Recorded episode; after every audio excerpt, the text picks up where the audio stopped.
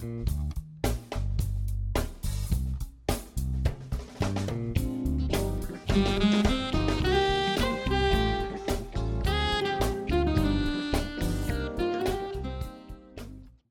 svima, moje ime je Tijena Velemirov, a vi slušate podcast Svet freelansa. Današnja lekcija, lekcija broj 25, koja glasi Skoro sve može da bude freelance. Um, I danas će lekcija biti verovatno malo dosadna, jer će u suštini da bude nabrajanje. Hoću da vam kažem šta to sve može da se radi na freelance način, ali zapravo uh, jako vam je korisno jer je to verovatno nešto što me najčešće pitate a šta je to što ja tačno mogu da radim. Prvo ću vam reći one standardne freelance oblasti, a onda ću preći i na to da vam kažem neke neobičajene, zanimljive oblasti. Dakle, ovako, programiranje je svakako broj jedan freelance oblast i misli se na softversko programiranje i web programiranje. Zatim, manualno i automatsko testiranje, QA testeri, testeri softvera i tako dalje. Zatim, U pitanju je, može da bude data science, design, može da bude grafički, može web dizajn, zatim korisnička podrška i odnosi sa kupcima, klijentima, zatim logistika, digitalni marketing, pa u okviru digitalnog marketinga content marketing, copywriting, kreiranje website strategija, social media marketing, email marketing, SEO, affiliate marketing – referral i loyalty programi, video marketing, mobilni marketing, PPC ili uh, plaćene reklame na društvenim mrežama i na Google, influencer marketing, conversion rate optimization strategije.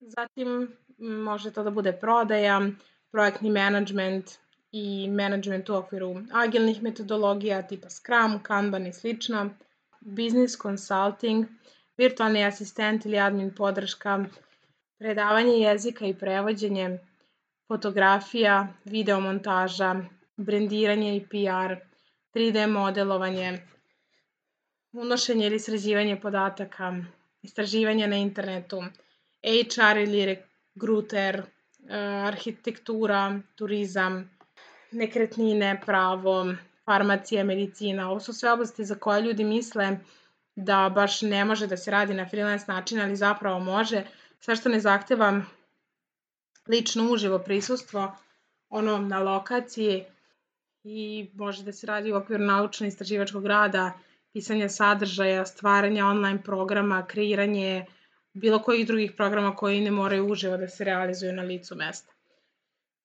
Zatim računovodstvo i knjigovodstvo, Excel i obrada podataka, biznis analitika i upravljanje podacima, vizualizacija podataka, cyber security, zatim drop servicing, pisanje projekata za EU, državne projekte i slično i tako dalje.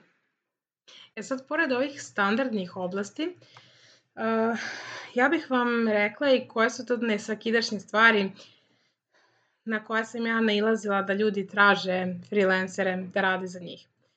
Uh, često se traže se freelanceri koji su pesnici, znači da pišu pesme ili priče, zatim da čitaju audio knjige, da snimaju TikTok videe, ima neko ko traži asistenta za Tinder, dakle neko ko će da im pronalazi date ili srodnu dušu, matchmakeri, wedding coachevi, zatim life i business coachevi, ljudi koji sprovode razne energetske prakse poput peata, uh, teta healinga i slično. Zatim traže se yoga instruktori, personalni treneri i fitness treneri za pravljenje programa online. Zatim traži se poslovi u okviru kaligrafije, to je umetnosti lepog pisanja, Zatim traži se neko da radi uh, osmišljavanje uh, turističkih tura po gradu. Um, traže se green konsultanti. Čak sam jednom videla i da se traže pisci za one fortune cookies. Zatim traže se astrolozi i ljudi koji rade na self-care-u, kristal konsultanti, sve u vezi takvih stvari, feng shui konsultanti. ljudi koji su administratori četa, live četa na sajtovima raznih kompanija, zatim ima posao online reviewer, unajmljeni ste da dobijete zapravo proizvod i vi pišete reviewove. Takođe isto ima da gledate nečiji sadržaj i dajete feedback, da budete ilustrator za dečije knjige i bilo koje druge knjige. Postoji i, uh, i mystery shopper ili um, oni misteriozni kupci offline. Ljudi vas unajme da vi um, imate to korisničko iskustvo na sajtu, online ili offline da odete zaista u prodavnicu i to zaista može da se radi na freelance način. Uh, takođe, postoji potražnja za freelancerima koji su uh, personalni stilisti u smislu oblačenja, cijelog stylinga, kose, uh, make-upa, šminke, a zatim vokal coachevi, coachevi za glas, umetnici za nokte i za sadržaj, na Instagramu za neke salone koji se bave ulepšavanjem i, i noktima i tako dalje.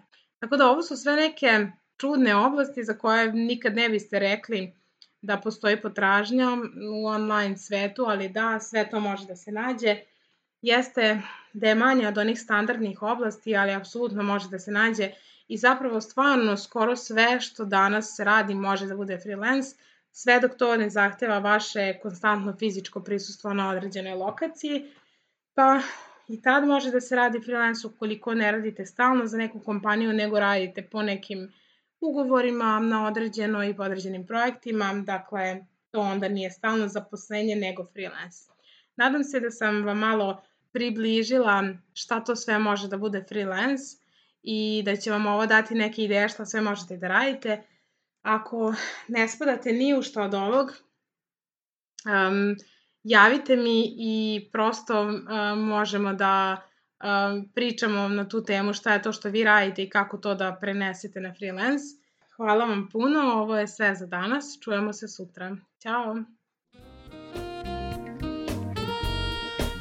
Prijave za moj online program Postani freelancer traju do 19. decembra ove godine.